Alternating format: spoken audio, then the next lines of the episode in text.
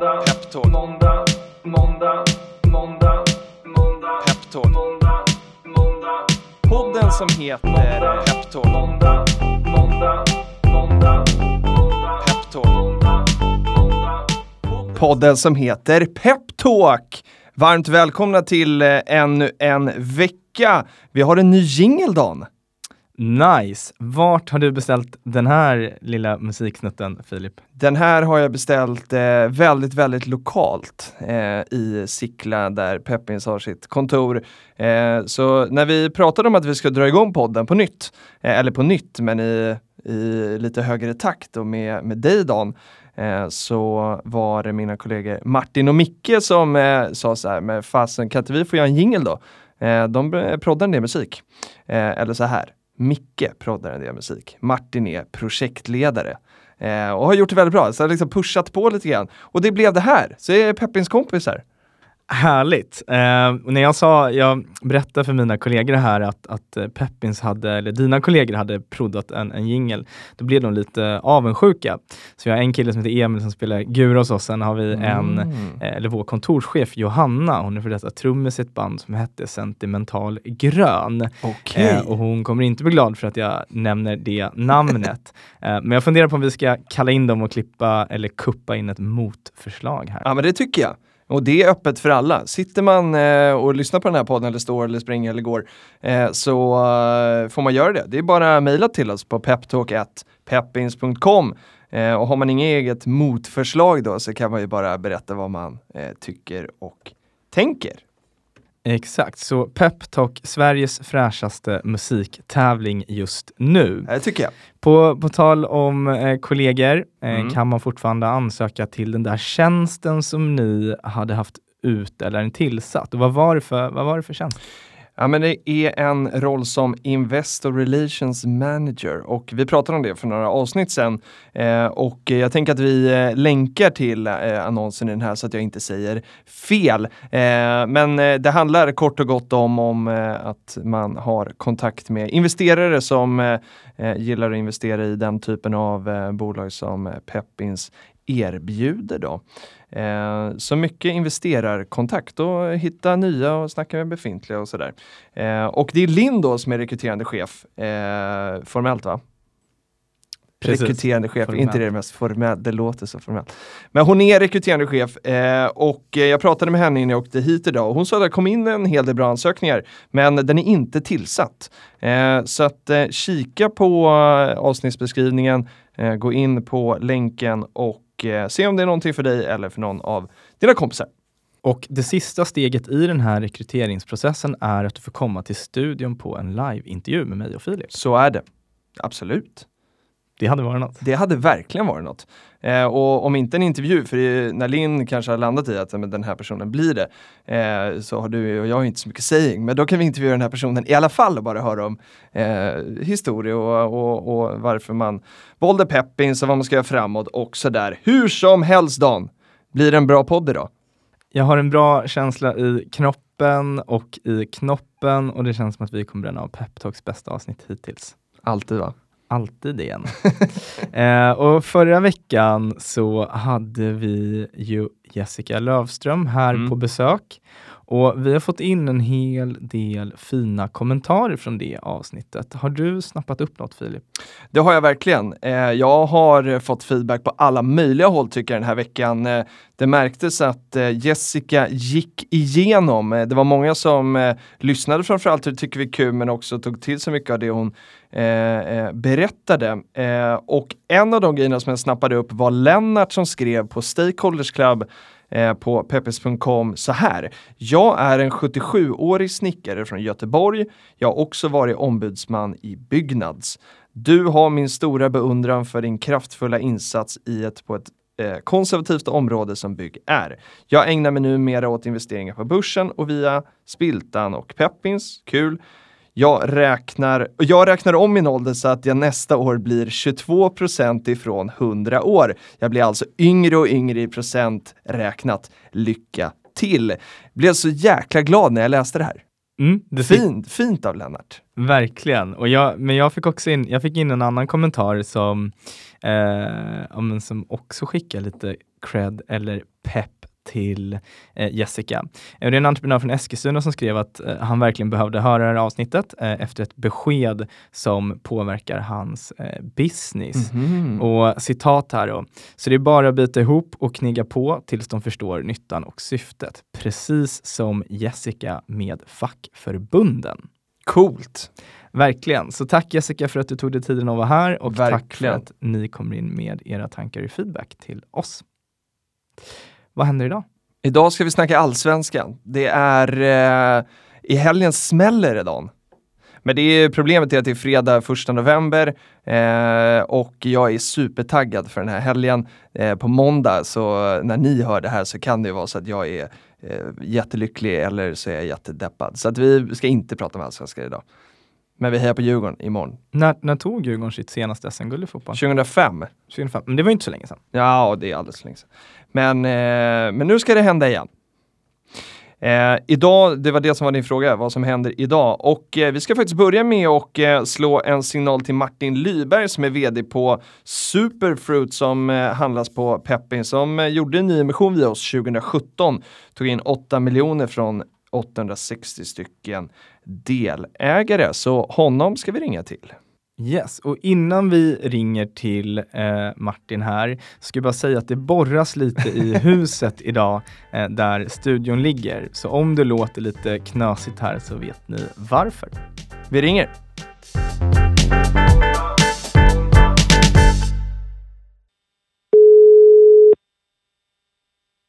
Martin Lyberg. Hallå Martin, välkommen till eh, Peptalk. Hej Filip. Hur är läget? Tack så mycket. Jo, det är bra. Själv då? Ja men det är bra tycker jag. Det är bra. Det är ju äntligen eh, fredag är det ju när vi spelar in. Sen kommer den här alltid ut på måndag så då blir det äntligen måndag också. Ja, vad härligt. Jag tänkte att vi skulle köra eh, så här. Du har ju aldrig eh, träffat eller pratat med, med Dan som är med i studion och eh, eh, jag tänkte vi skulle köra en, eh, ska kuppa in en fråga där jag vill att Dan ska få gissa din dialekt. Ja, men det, det kan ju bli lite svårt för jag har flyttat runt en del i Sverige så, Exakt. så låt, han, låt han försöka. Eh, Vad tror du Dan? Ja, men jag skulle tippa på att den här resan har gått från Småland via Göteborg till Halmstad för att slutligen landa i Stockholm. Det, det är min På spåret tippning över den här dialekten. Hur fel hade jag? Jag är totalt tondöv. Så att, eh, ja. Ja, ja, men det var ju ganska bra. Det gick ju från Småland till Halmstad via Göteborg och sen Stockholm då. ja, det var inte, Det är ruggigt bra. rätt. nej, det var inte illa Nej, jag är väldigt imponerad. Härligt. Ja, det Eh, kän, känns som att Dan kan ha gjort någon liten research där. Jag, jag är inte skyldig i alla fall. det Nej, det, det kan ha varit så att jag googlade på det snabbt. Eh, jag har också googlat på eh, Superfruit, men eh, ställer ändå frågan till dig så att alla som lyssnar på det här också får veta. Vilka är Superfruit och hur uppkom idén bakom bolaget?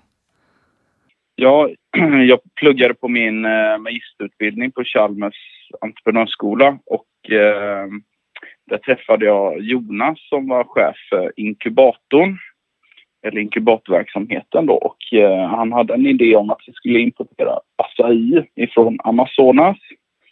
Eh, och eh, så, ja, så idén startade någon gång 2006 kan man säga och vi startade bolaget 2007 eh, efter att jag hade pluggat klart. Då.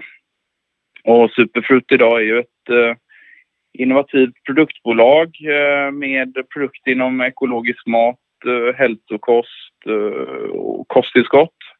Vi har ju tre varumärken då som vi har utvecklat och äger själva och det är Superfruit som är originalet med supermat och raw foods.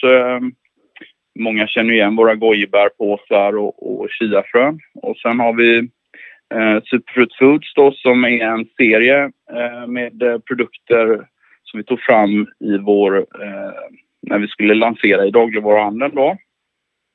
Där har vi mycket nötsmör och nötter och, och snacks.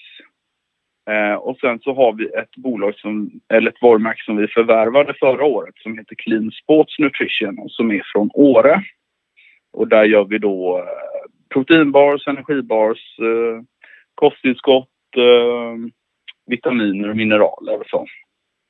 så det är väl kort och gott eh, superfrukt idag. Härligt. Och jag vet inte om jag måste lägga in då en disclaimer där jag medger att jag har eh, både chiafrön och gurkmeja-varianterna av hemma och brukar äta clean när jag är ute och springer långt i bergen. Eh, men eh, vad tycker du har varit roligast och mest utmanande under dina år med, med superfrukt hittills? roligast är ju när man liksom prickar en trend. Eh, vi gjorde ju det eh, 2008 när vi lanserade gojibär Eh, och det blev ju en, en jättehit. Det var liksom det första superbäret. Eh, och eh, vi fick mycket uppmärksamhet. Jag vet att eh, designen på påsen och påsen, typen av påse var ganska ny då. Eh, så vi var med i väldigt många modemagasin och, och trenddesignböcker eh, och så med just produkten då. Eh, och sen prickade vi chiafrön 2013 och det var också ett sånt där moment som man kommer ihåg när man för varje dag och för varje vecka och månad så man bara levererar mer och mer chiafrön och hade svårt att hänga med i produktionen och, och sådär. Det var ju jäkligt kul. Eh, och sen var det också utmanande då när eh, ja, med ICA och Kung Markatta. Många konkurrenter och, och kedjor, retailers då lanserade EMV på supermat. Klart, då tappade vi ganska mycket volym då helt plötsligt över ett kvartal eller ett halvår där. Eh, så då var man ju tvungen att ställa om. Så det var en ganska, eh, ganska tuff period då. Och sen, eh, sen eh, bestämde vi oss för att vi skulle gå ut lite bredare handeln med ett eh, större erbjudande och, och eh, eh ja, eh, fler varumärken och eh, ja, så det började vi jobba med strategiskt och då gjorde vi också den här Peppins crowdfundingen då för att finansiera den resan då. Så vi har gjort en ganska stor transformationsresa under de här åren då. Eh, men det har varit väldigt spännande och skoj och Peppins jobbet var ju också jättekul att göra. Det gläder mig att höra Martin. Eh, mm. jag, jag, tänker, och vi, vi kommer in på det, jag måste bara slänga in en fråga om just det här med, som du säger, superbär och supermat och så. Eh, finns det någon liksom, definition på vad, vad, som är super eller kan man plocka det?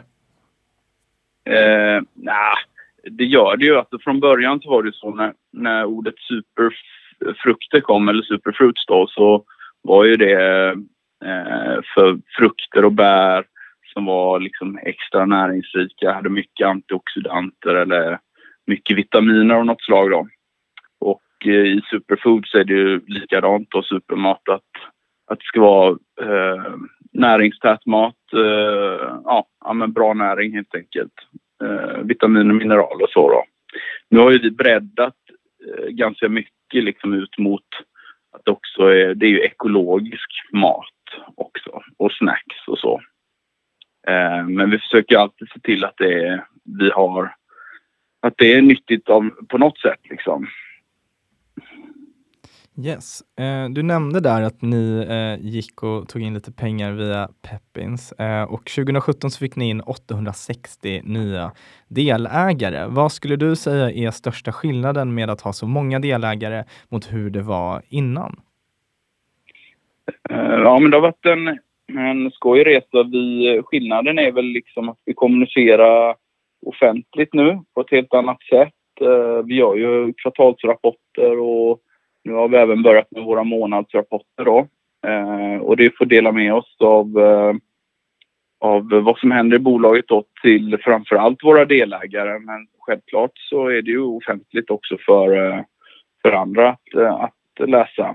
Och då får man ju mycket synpunkter och, från engagerade delägare, en del hejarop och ibland får man lite eh, kanske inputs på produkter och produktutvecklingen och så då. Så att, eh, och det är ju tacksamt, eh, det behöver man ju liksom. Vi är inte eh, så många på bolaget så att eh, det, är, det är bra om man har lite fler hjärnor som tänker ibland. Och eh, de här hjärnorna då, om man eh, får kalla det delägarna som finns utanför och är engagerade, kunde i oktober läsa då på Stakeholders Club att ni har 21,7 procents tillväxt under januari till september då 2019. Eh, berätta om liksom det här som jag tolkar som ett högtryck på supermaten. Ja, nej men vi har ju jobbat strategiskt nu under lång tid med att uh, utveckla våra sortiment och våra kanalstrategier. Och det är ju det som börjar, vi börjar se resultat av nu då. Vi har eh, 32 procents tillväxt i e-handeln i år. Eh, alltså det, då är det via våra återförsäljare inom e-handeln. Och vi har även eh, tillväxt igen i hälsofackhandeln där vi länge liksom har tappat volym då av olika anledningar. Men nu har vi 18 procents tillväxt där. Och eh, sen har vi tillväxt i dagligvaruhandeln och där är det ju mycket eh, våra Superfruit Foods-produkter då. Nötter och nötsmör och, och även supermaten, eh, traditionella då, eller som är gurkmeja och spirulina och, och de olika pulverna då. Eh, så ja, men det är ett resultat av liksom ett, ett långsiktigt arbete och, jag tror att eh, vi kommer få se liksom en mycket bättre effekt nästa år på allt det vi har gjort då.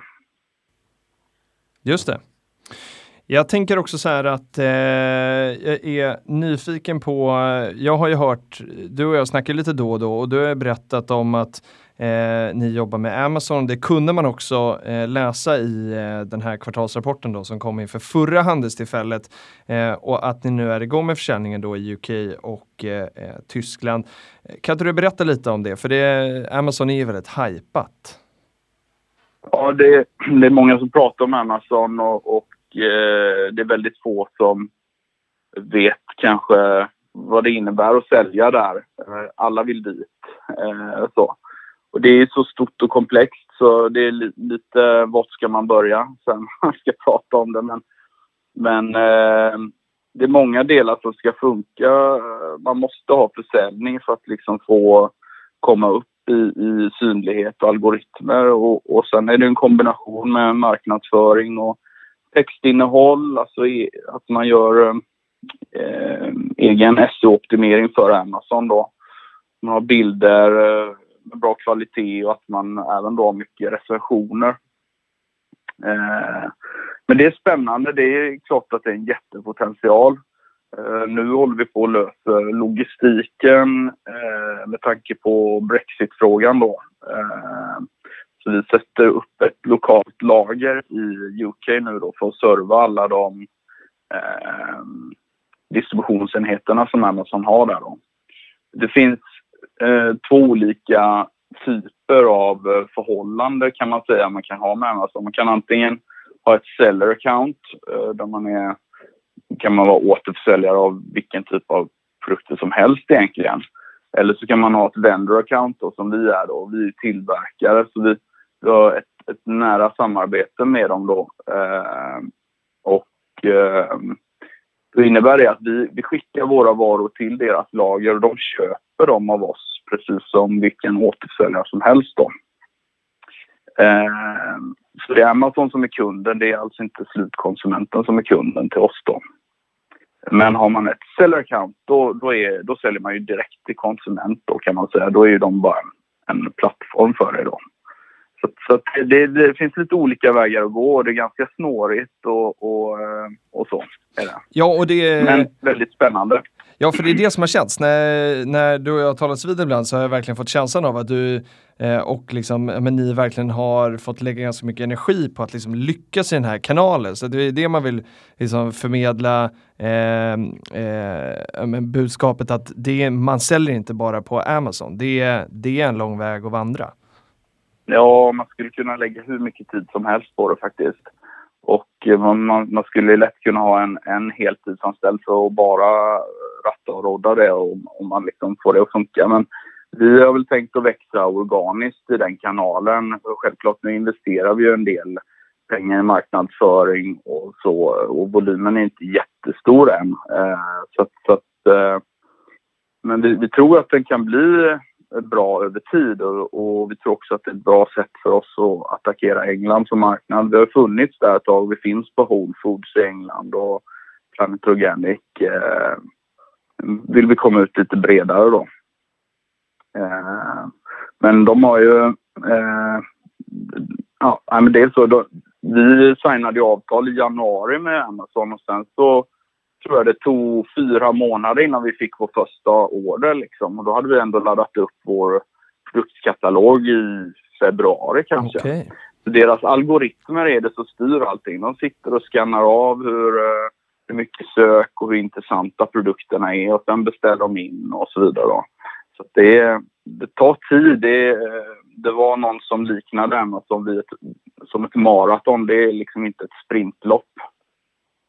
Eh, det tycker jag, det, det är nog ganska eh, korrekt känns det som. Och eh, Amazon eh, kan verkligen tänka mig, beroende på vilka marknader och sådär man går in på, så blir det en, en allt viktigare kanal, framförallt på via e-handel då. Men hur, hur tänker ni, hur balanserar ni retail kontra e-handel som försäljningskanal? Och i det ser du den här eh, omtalade retail-döden komma? Uh, nej, jag tror Eh, det är klart att det finns en retail-död där ute men, men eh, de som överlever är väl de som har ett eh, omnichannel-erbjudande och förenar det bästa av eh, bägge världarna. Alternativt så har de en väldigt bra nisch kanske. Eller så är de ju extremt stora, typ Ullared och, och ja, den typen av koncept. Då. Eh, men eh, för oss är det ju viktigt att, att Eh, följa med i utvecklingen och i och med att det flyttar så mycket försäljning mot e-handel så vill vi finnas där. Eh, vi har ju en, en e-handelsstrategi där vi jobbar både mot återförsäljare och eh, en tanke om att, att växa via plattformar, framförallt på exportmarknaderna då. Och det tror jag är ett, ett bra sätt för oss att växa. Ja, som jag nämnde här i min disclaimer tidigare så är jag, jag är ju redan en konsument av era produkter. Men om man inte har testat någon av era produkter och ska bli hooked här, eh, vilken produkt borde man klicka hem då, tycker du? Eh, ja, eh, det finns ju så många goda produkter. Men eh, om man gillar eh, att äta mackor till frukost eller smoothie bowls eh, så tycker jag definitivt att man ska testa vårt eh, ekologiska jordnötssmör. Det är perfekt rostat, det är saltat. Ja, det är supergott helt enkelt. Man kan ju också äta det som mellanmål. Och annars är ju bland det hetaste nu och som jag själv äter varje dag faktiskt kollagen. Det kan man ha i kaffet på morgonen. Eh, ta en matsked och röra ut kaffet. Smakar ingenting. Vad är det bra för? Eh, det är bra för brosk, leder, hår, hud och naglar. Då. Mm. Eh, förr fick vi oss eh, mycket via kosten. Då. Det, det, vi har lite annan kanske kosthållning idag. Då. Just att, och jag märker själv skillnad när jag tränar, när jag äter det. Mm. Eh, så att, eh, det är ett bra tips. Och annars så är det ju då våra klassiker. Superbooster 3 har vi släppt nu. Mm. En, eh, en produkt som kombiner, kombinerar då alltså våra greens, alger, gräs eh, med fiber och mjölksyrebakterier. Och dessutom så finns det energiötter i den som gör att man blir pigg och tycker man att man dricker väldigt mycket kaffe och, och så, så kan man testa att dricka lite superbooster istället på morgonen så, kommer man känna att suget försvinner lite. Uh, bra. Men, äh, en otroligt bra produkt. Ja, bra tips. Det finns, eh, det finns mycket att göra sin hemläxa på när man ska eh, göra sin DD eller eh, genomlysning då på, på Superfruit. För det är min eh, sista fråga. Eh, våran sista fråga handlar ju om att det är handel nästa vecka. Eh, ni har ju gått över till månadsvis handel eh, och då undrar vi såklart varför man ska köpa aktier i Superfruit. Ja, men vi har ett sortiment som ligger i tiden och, och vi utvecklar ju våra samarbeten här med eh, våra stora kunder och, och vi kan redan nu se att vi har en bra tillväxt i framtidens eh, försäljningskanaler eh, såsom e-handel och apotek online, mat online och, eh, och lyckas ju även eh, nu i, i den traditionella retailen också. Så att eh, det är bara att handla aktier. Härligt! Då håller vi koll på handen nästa vecka och eh, ser hur det går. Stort tack Martin för att eh, vi fick ringa så ska jag se till att handla lite eh, jordnötssmör på vägen hem. Det eh, vattnas i munnen när man hör om det där. Ja, men tack själva och en trevlig helg. Detsamma, ha det gott! Hej då! Ja, hej då!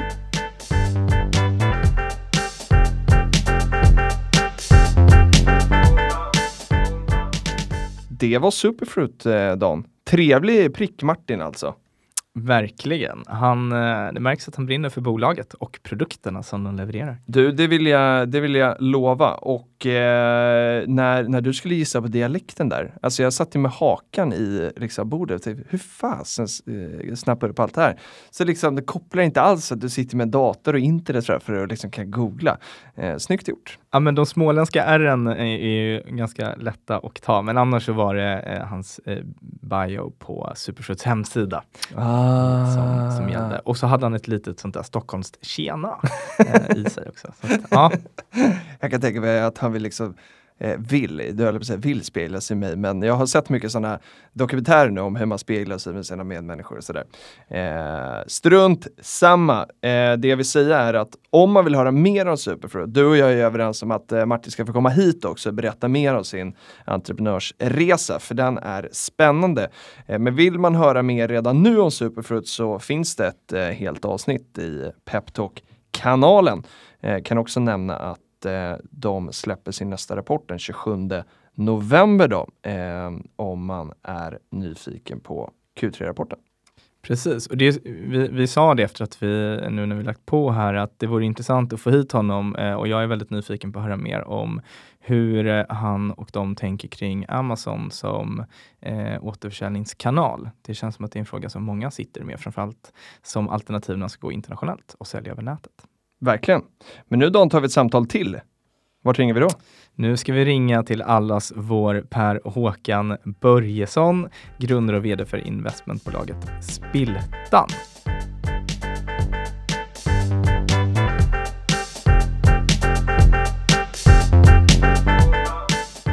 Hallå Per Håkan, välkommen till podden! Ja, trevligt att vara med. Hej! Hejsan Per Håkan, Dan här också. Hur, eh, hur mås det idag på Grevgatan? Jo, det är alldeles utmärkt. Det är fint väder ute. Vi har precis haft en trevlig lunch här med lite anställda från som inte har tagit ledigt när det är halvdag. Ja, just det. Det är ju svårt att ta halvdag när det är, börsen är, är stängd. Den, Ja, den, den vi- skulle ju köra halvdag. Vi, vi är ju långsiktiga så vi brukar inte titta så mycket på vad börsen gör varje dag utan vi tar långsiktiga beslut så jag brukar inte läsa i tidningen vad som har hänt. Det låter sunt det. Eh, börsen var ju, har ju haft någon krasch här på förmiddagen. Det är första november så jag såg nu att de skulle förlänga eh, och köra från 1 till 2. Men det ska vi strunta i idag. Eh, Per-Åke, min första fråga till dig är att eh, ja, du och jag sågs ju i söndags och eh, då berättade du att du hade varit i Indien på en konferens för familjeföretagare. Berätta!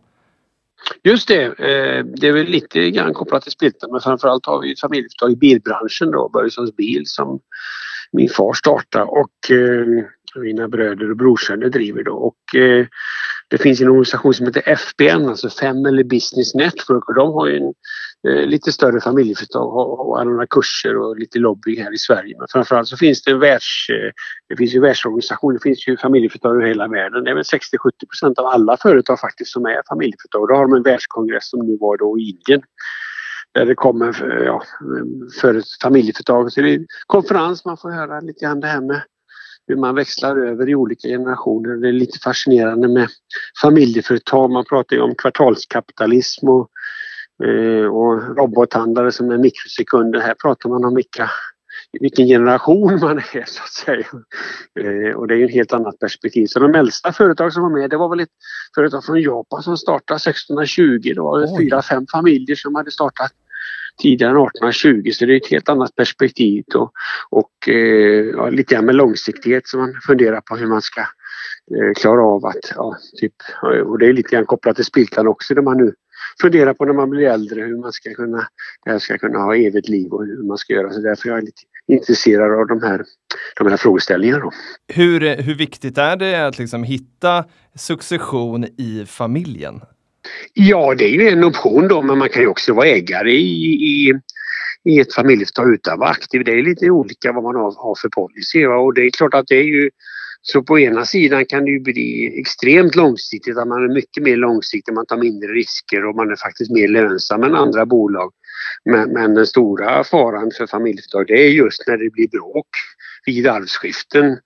Och man börjar bråka med varandra trots att man har fått något mycket mer. Så det är ju problemet då att eh, ofta då när det blir andra, tredje generationer, det blir lite fler som är involverade och respektive annat. Så det är utmaningen då att man pratar om det här eh, ärva, värva och fördärva i, i de här tre generationerna. Så det är utmaningen då att man hur man skapar den här miljön och det som gör att man kan umgås och att att, eh, och, och eh, kunna dela det ihop. Men det är inte, inget behov så att man ska eh, vara med. Men det har ju olika familjer lite olika policy. På vissa säger att vi, vi är inte med, vi är bara ägare och vissa andra kanske man ska varit ute och jobbat i, inom branschen eller på andra ställen så kan man få jobb inom familjeföretag. Så det, det är både och det.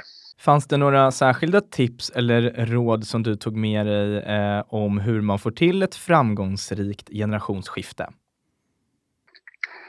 Ja, det är ett antal saker man ska tänka på där givetvis då. Hur, hur man Eh, eh, och en konkret sak som till exempel nu i eh, FBN i Sverige har ju kurser då där man frågar tre där man, där man som ägare får gå igenom det här och ett konkret case om man tittar på Börjessons bil till exempel det är ju att vi vi har ju verksamhet då, min familj bor i Stockholm och vi har verksamhet i, i Skåne och i Alingsås. Så alltså det är ju att vi nu är vi då totalt 18 stycken. Alltså vi är fem ägare men det är totalt 18 stycken med familjemedlemmar och med ingifta och med barn och alla sådana här. Och då brukar vi träffas vi nu varje påsk. Så att mina barn då som kanske inte hade träffat sina kusiner så mycket då har, har, de en relation och känner varandra. Vi umgås socialt och vi får lite information om företaget. Det är ju en sån där konkret sak som gör det lättare vid längre fram i tiden att man känner sina kusiner. Om nu skulle det bli någon frågeställning om värdering och annat så då blir det ju lättare att komma överens.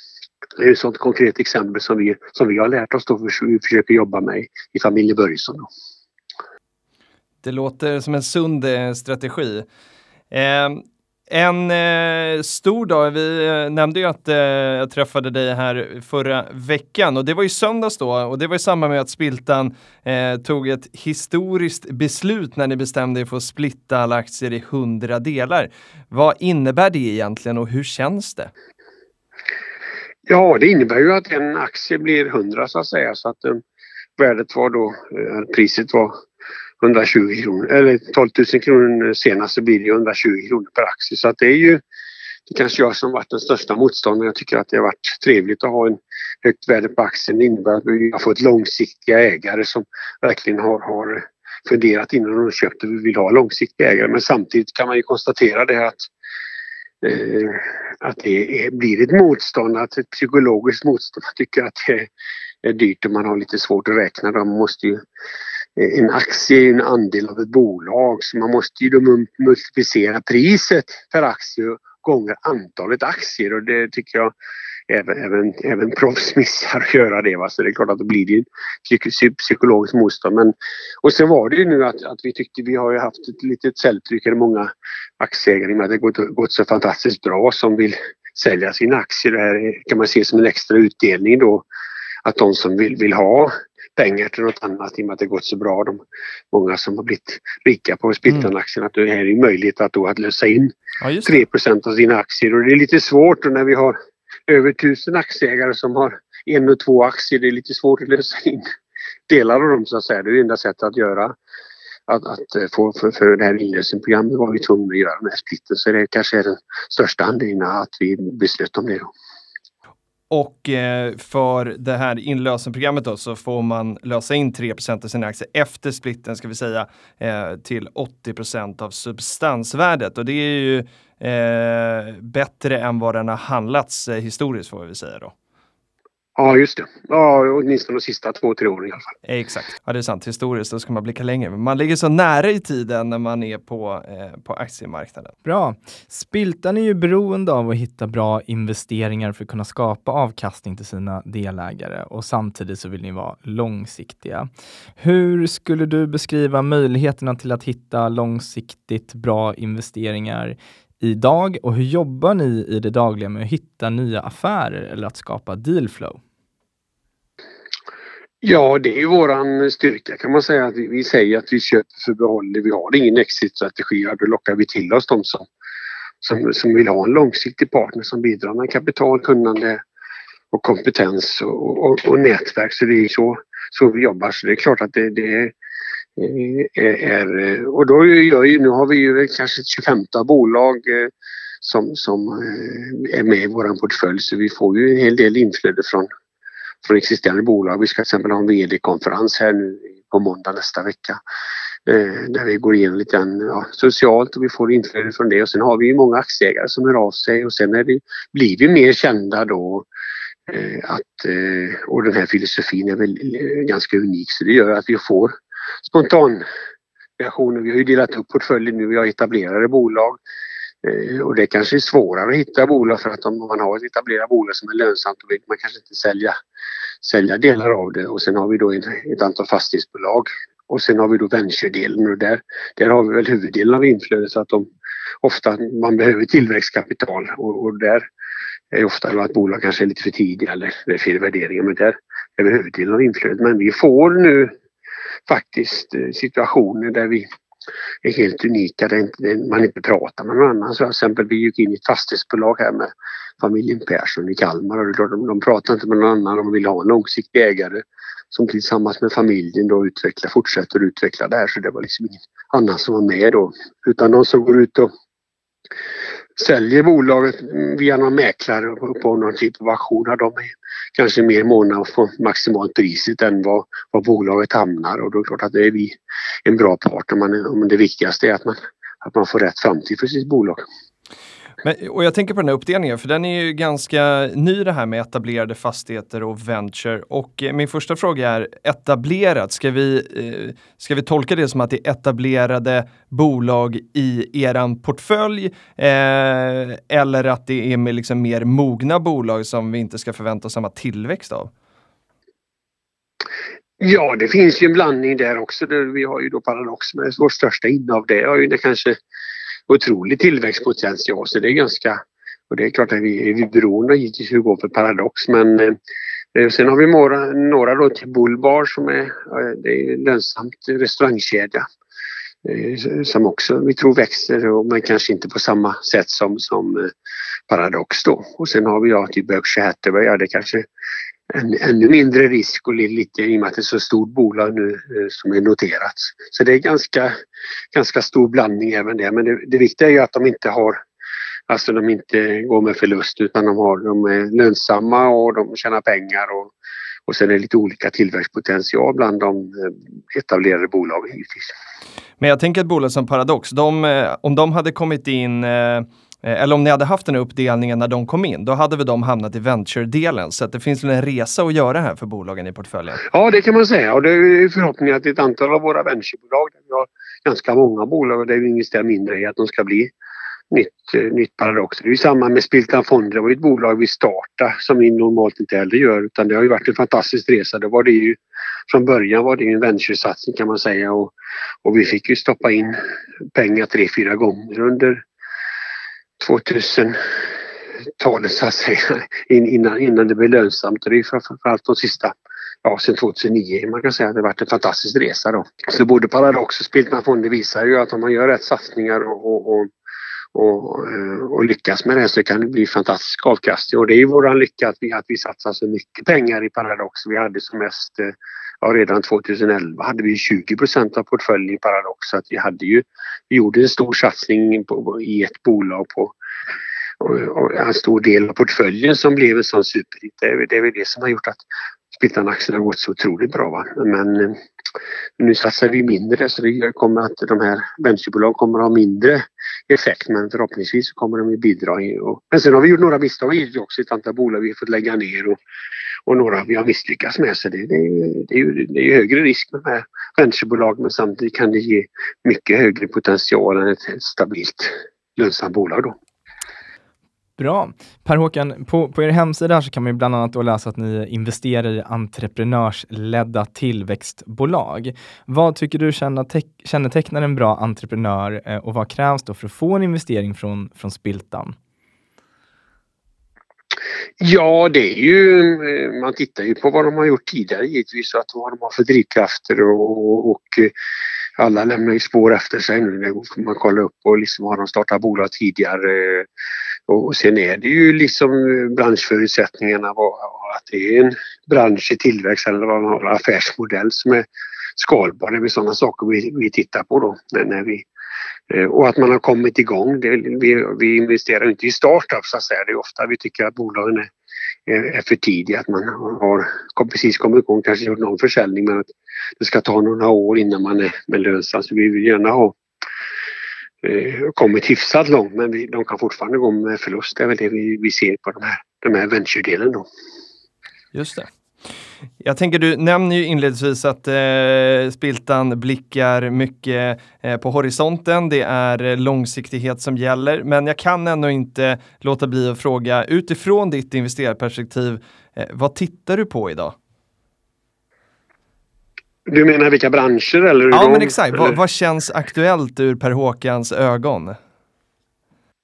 Ja, vi har egentligen ingen branschfokus utan det är ju det som skapar tillväxt och det är klart att då är det mycket en stor del av, av portföljen är ju då internetrelaterad, alltså e-handel eller Paradox använder ju eh, det är ju digital nedladdning så det är mycket det, är det som skapar den förändring som sker i, i, i, den här digitala revolutionen. Så är det klart att det är en viktig faktor som, som, som, som, som gör bolagen intressanta.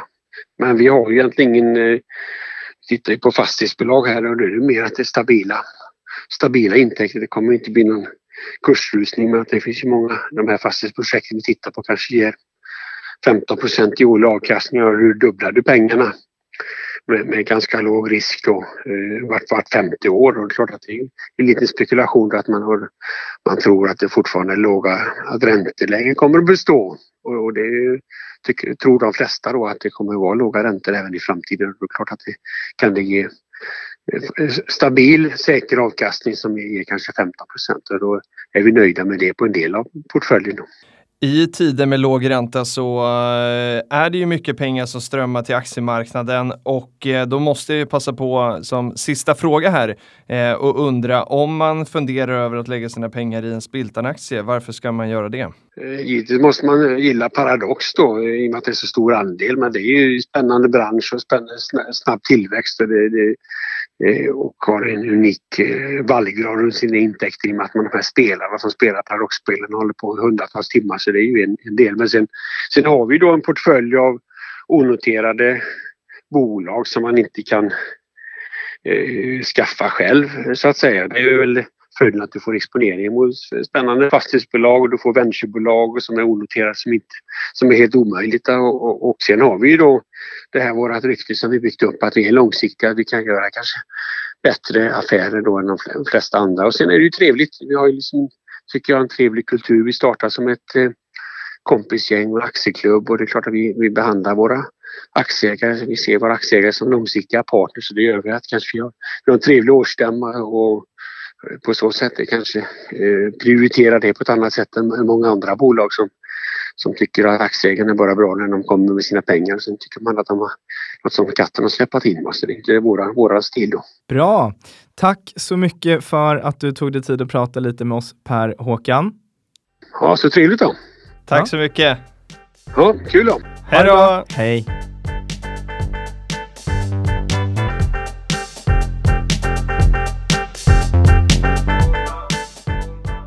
Bra, det var Per Håkan Börjesson från Spiltan. Eh, ni har ju stött på varandra lite tidigare va Filip? Ja men det har vi gjort och eh, jag tycker det är kul när Per-Håkan säger i början, nu kommer jag inte exakt i, ihåg hur han uttryckte det, men jag fick känslan av att ja, men han, han är så inne i det här med långsiktighet eh, så att han vill nästan ge ett sken av att han liksom inte läser det som händer här idag. Men det, det vet jag inte stämmer, för det är få personer jag träffat eh, som läser så mycket som Per-Håkan. Och har man någon gång läst en intervju med honom så kan, i en tidning så kanske man också sätter bild på, på hans kontor och det är enormt mycket papper. Eh, och eh, jag gjorde ett projekt för Spiltan då, så satt eh, på deras kontor i tre månader, eh, 2018. Och, eh, ja, men, och då kunde han komma in så här liksom, eh, ett par gånger om dagen med att printat ut något intressant som man ska läsa eller kopierat eh, något intressant som man ska läsa. Så han är enormt påläst. Eh, så om han ger sken av något annat så stämmer inte. Nej. Jag har också varit på, på hans eh, kontor och fick bland annat med mig en bok som han har Ja. skrivit som man ser i lite olika sammanhang. Hur, hur man blir miljonär i hängmattan. Ja just det, Ja. han är duktig på att sprida den. Precis. Vad, ehm, eh, vad tog du med dig för övrigt då från den här intervjun med Per-Håkan? Ja, men jag tycker det är roligt det här med eh, generationsfrågan och eh, han, han berättade att han har varit i Indien här på en sån här family business konferens och eh, hur det fin- ja, men, och hur man liksom diskuterar vilken generation man är i snarare än ett kvartalstänk. Eh, börsen får ju ofta mycket skit för att ja, men, vdr och sådär är eh, tänker kvartal, man ska trycka in försäljning i, till nästa rapport. Eh, och sen finns det familjeföretagare som funderar på vilken generation de är i. Och då säger Per Håkan att det finns liksom eh, tre varianter av generation. Det finns en ärva-generation, det finns en för, eh, förvärva-generation och en fördärva. Eh, och eh, är man i den tredje fördärva eh, så har man lite press på sig för då tänker ju förmodligen omvärlden att nu kommer det gå åt pipan. Ja men verkligen, och det är intressant eh, när långsiktigheten får ett sånt här nytt perspektiv. För startups kanske man pratar en vecka eller nästa momsutbetalning som man sitter och våndas över.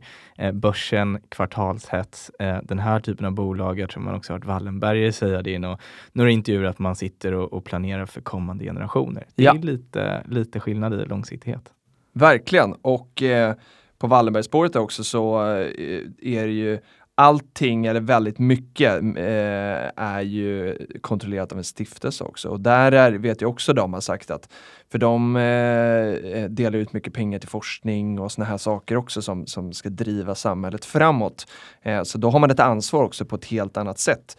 Eh, vill också slänga in där det här han pratar om med eh, eh, ja, men att de lå- ha, kusinerna får träffa varandra liksom kommande generationer för att man ska liksom undvika bråk om pengar om man ska vara lite krass då.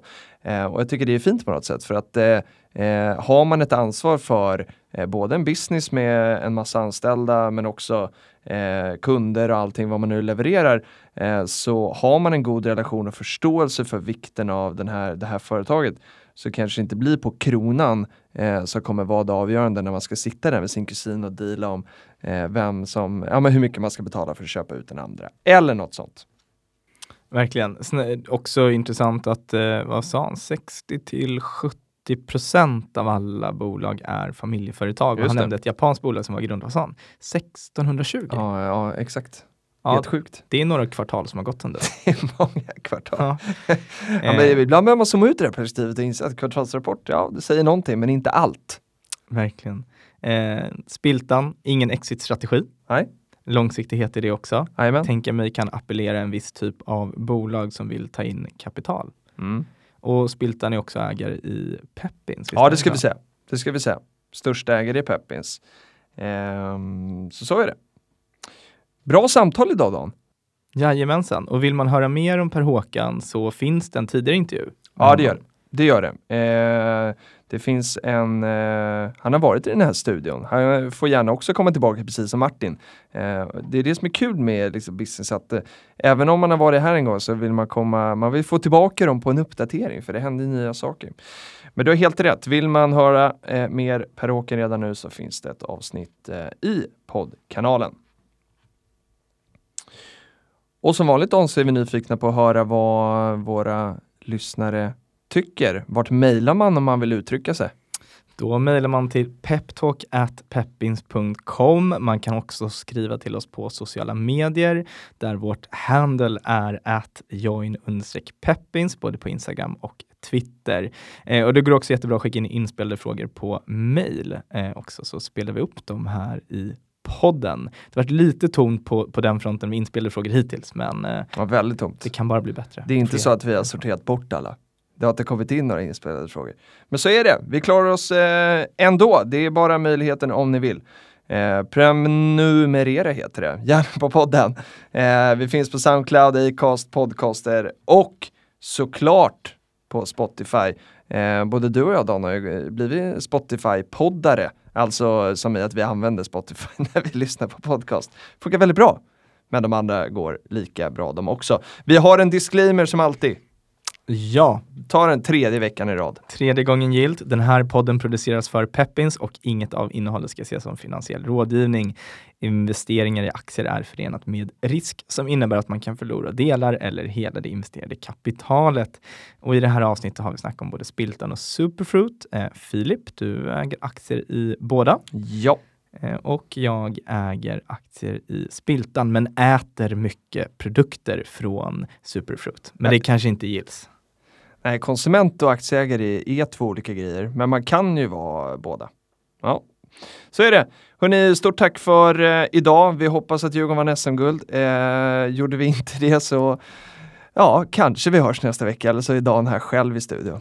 Och kom ihåg att eh, söka till jobbet som Investor Relations Manager på Peppins. Eh, länken finns i beskrivningen. Härligt. Ha en fin vecka allihopa. Podden som heter Peptalk. Peptalk. Podden som heter Peptalk. Peptalk. Peptalk. Podden som heter Peptalk.